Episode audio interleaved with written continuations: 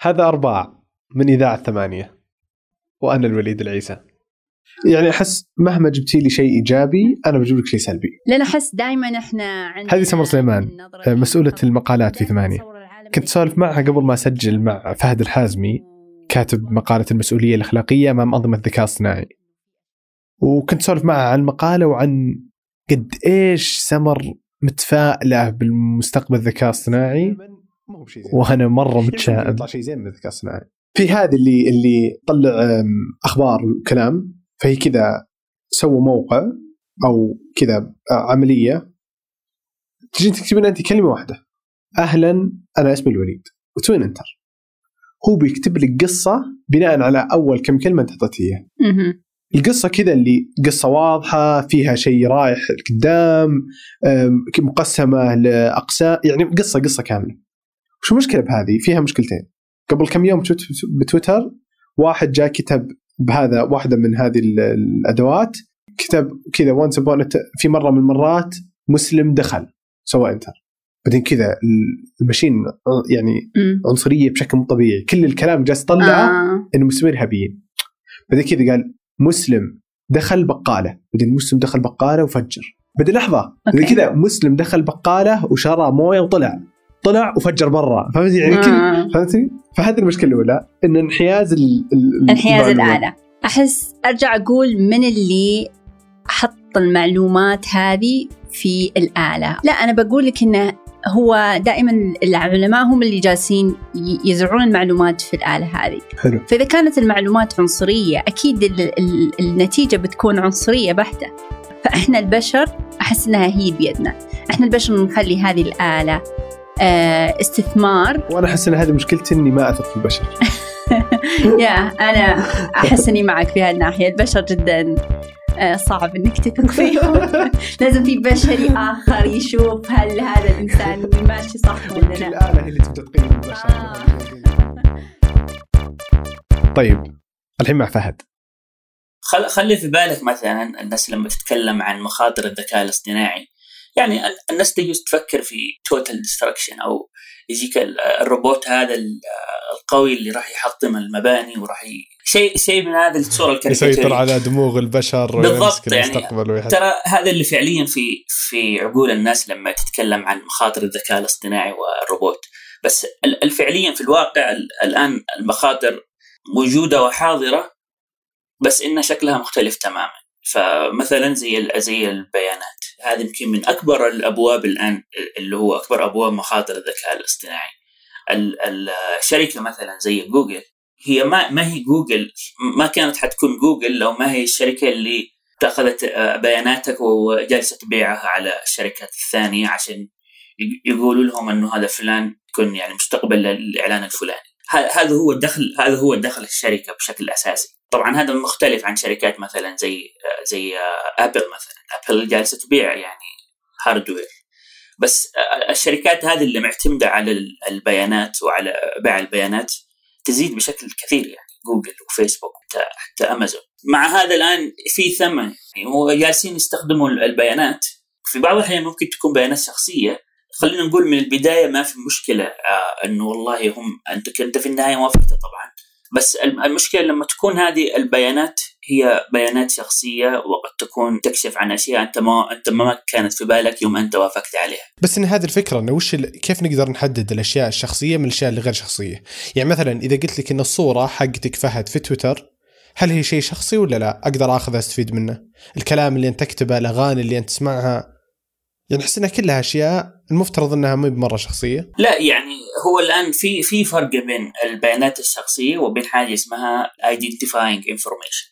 فمثلا في البيانات الشخصية أنا ممكن أطبق أنا ممكن أعمل برنامج بسيط يروح يسحب تغريداتك في تويتر. تغريداتك العامة فهذه هذه ما تعتبر يعني بيانات شخصية. يعني هذه بياناتك بس إنها موجودة في في ال public يعني.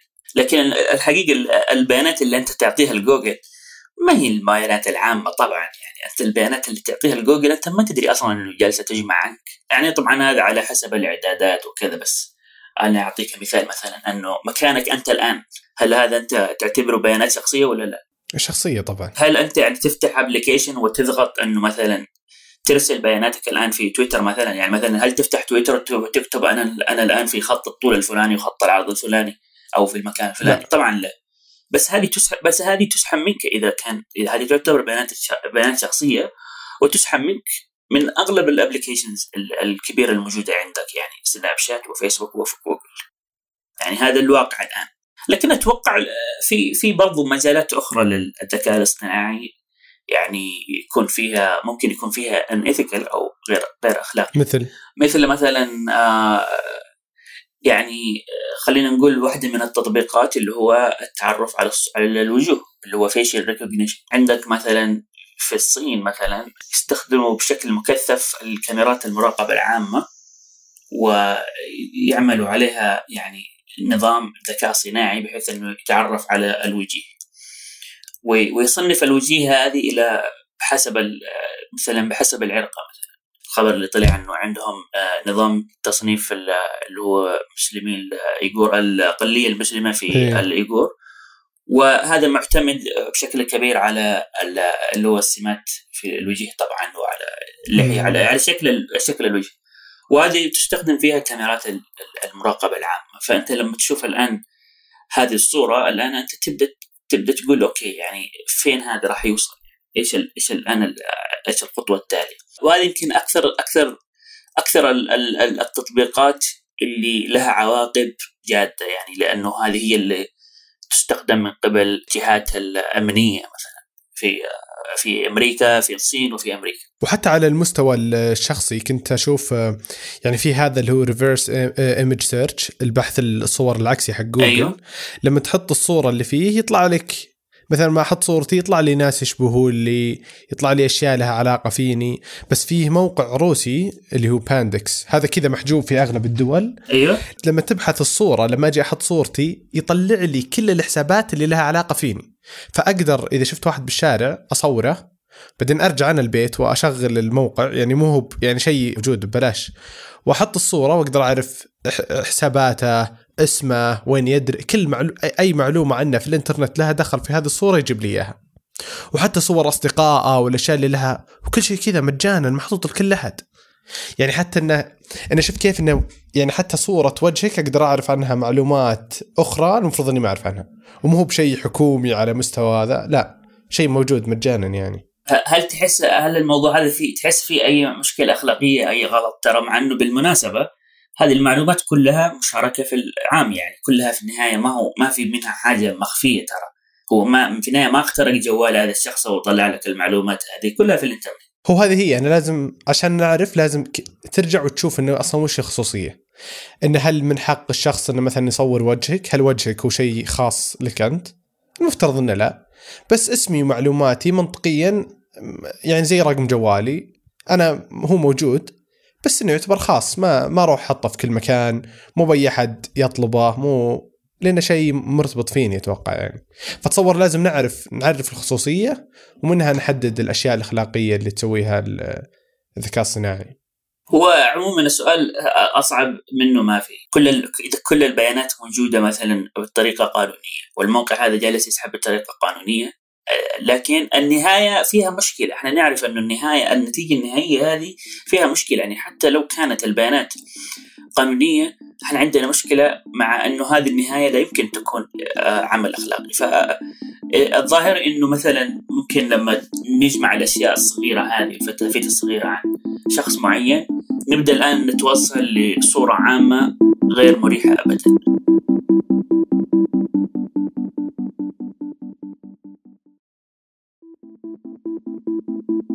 لو كذا نبي نشوف الانتهاكات الأخلاقية للذكاء الصناعي من وجهة نظرك. الانتهاكات يعني هو في في النهاية هذه آه في في الانتهاكات اللي لها علاقة بالبيانات وفي الانتهاكات اللي لها علاقة بالتقنيه اللي هو الوجوه مثلا الأشياء الخاصة هذه وبعدين عندنا الانتهاكات اللي لها علاقة بمثلا آه، زي النصوص فيها واحدة من أبرز في الذكاء الاصطناعي اللي هو مثلا توليد النصوص.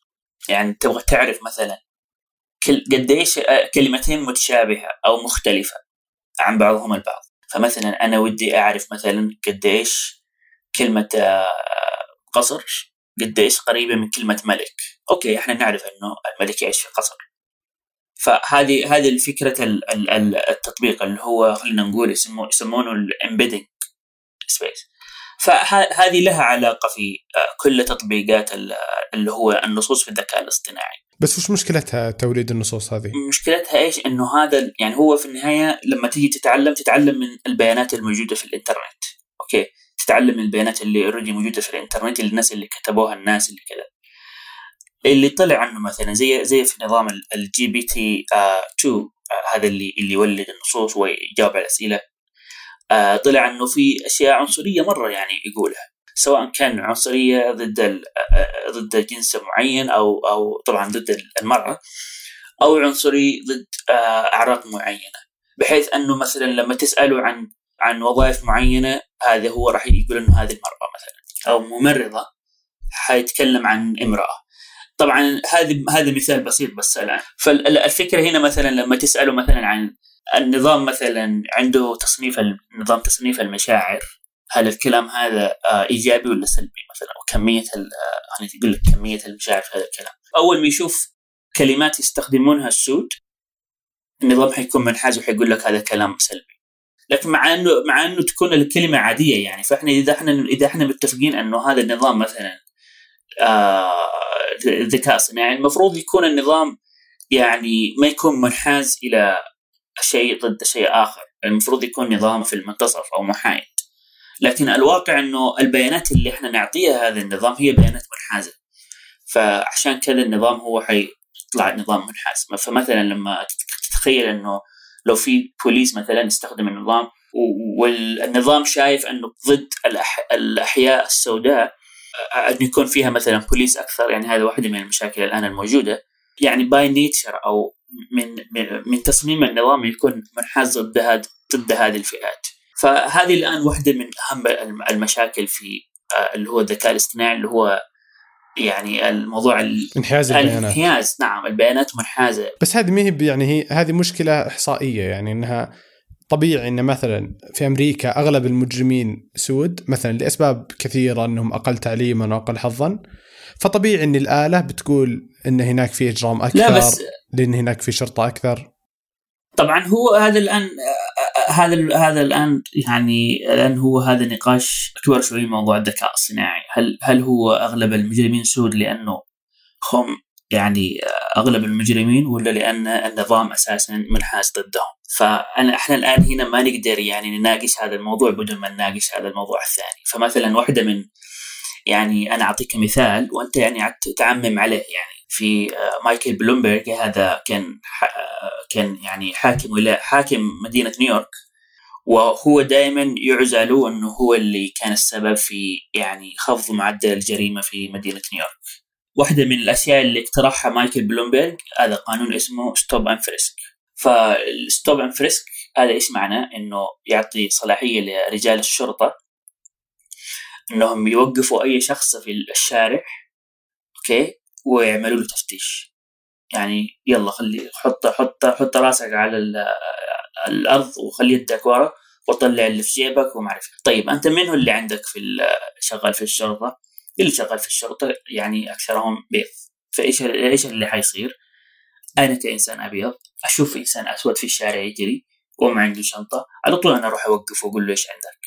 وهو ما عنده أي سبب يوقفه يعني. ما في أي شيء ولا في أي شبهة بس هو هذا القانون بالضبط يعطيهم هذا الشيء. إنه أنت حتى لو أنت عندك نسبة شك إنك ممكن توقف هذا الشخص وتفتشه وتحطه في السجن.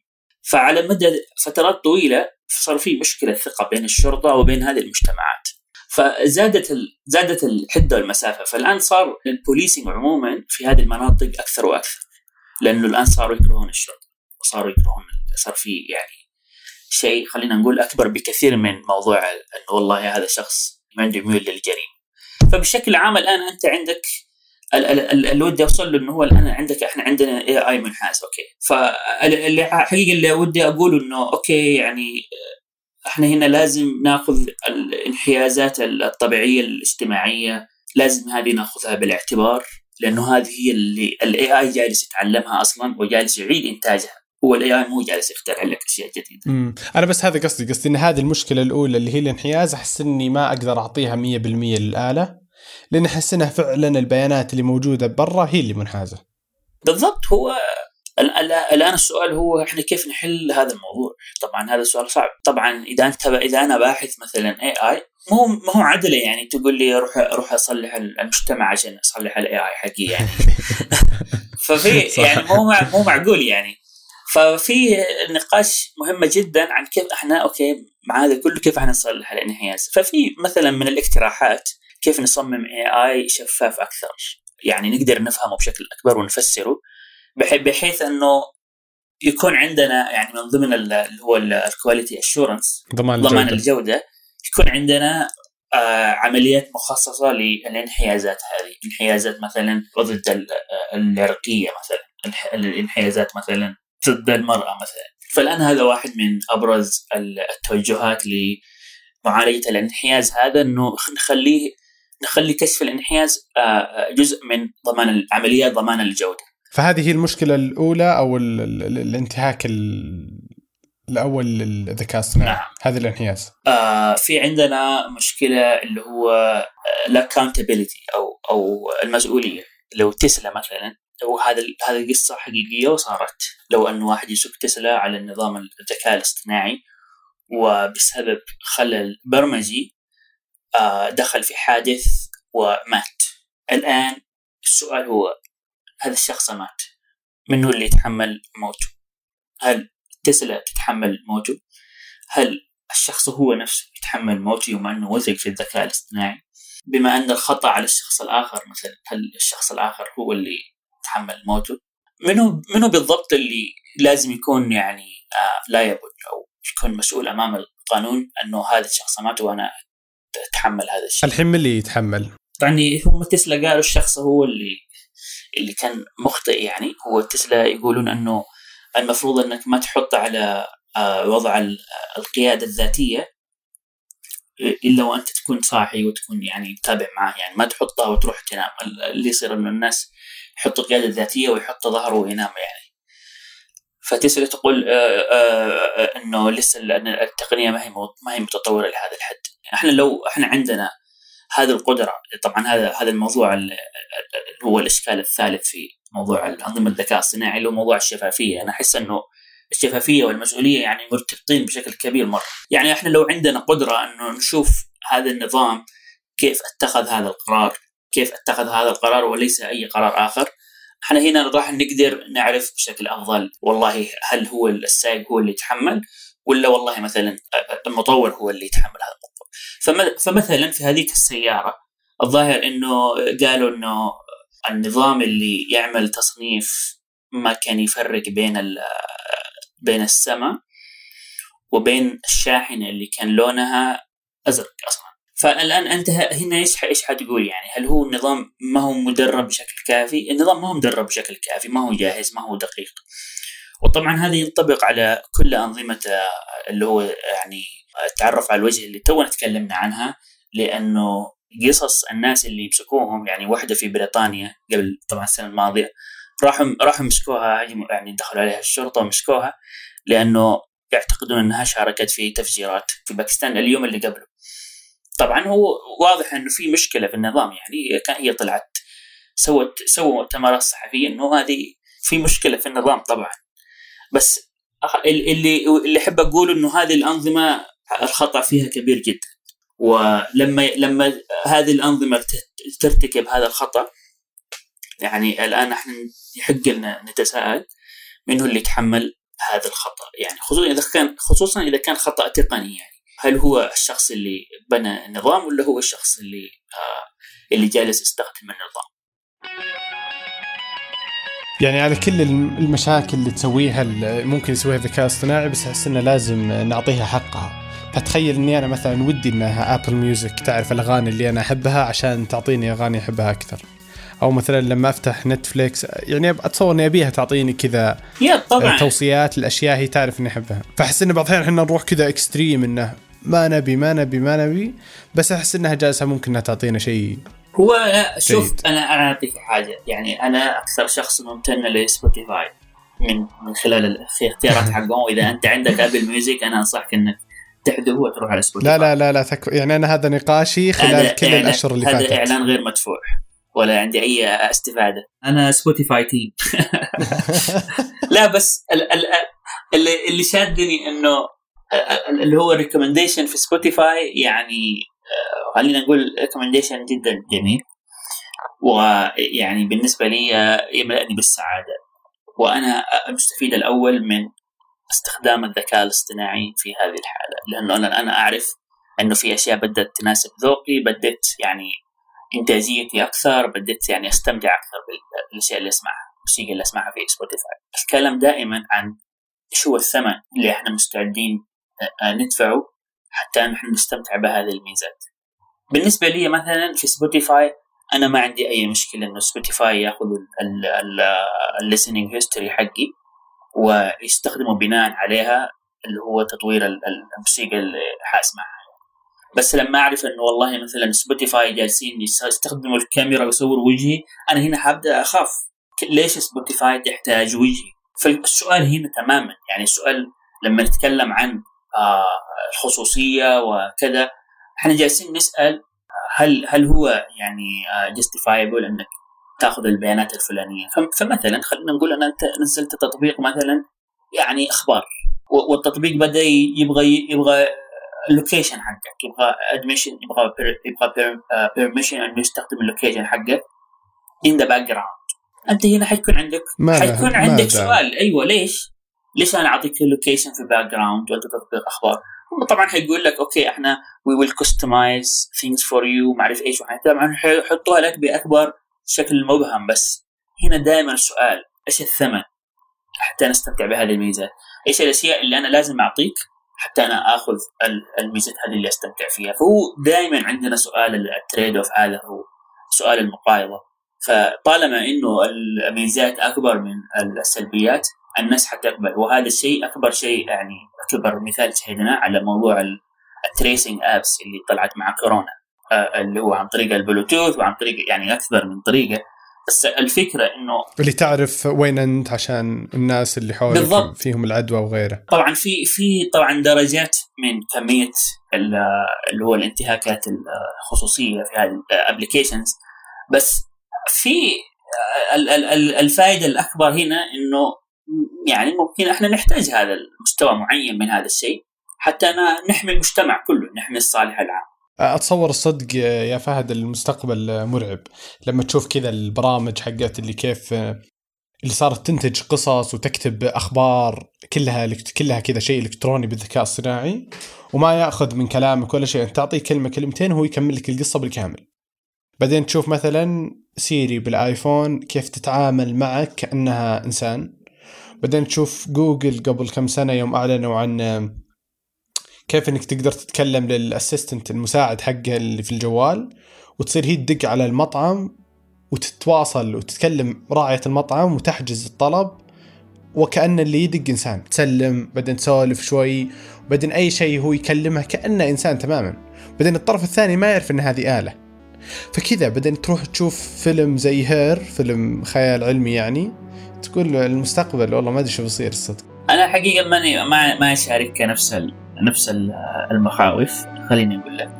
okay. لا ما ما أشارك نفس المخاوف تماما. يعني أنا أتوقع إنه آه، ال ال الإنسان دائما عنده ميل للسلبية يعني آه، يعني وهذا ممكن وهذا بشكل ما ممكن يعني مفيد لل survival طبعا. إنه أنت لازم تكون تفكر المستقبل مرعب عشان تسوي شيء لهذا المستقبل ويعني آه، تضمن إنه أنت حتنجو ولا أنت ما ما راح تنجو ابدا.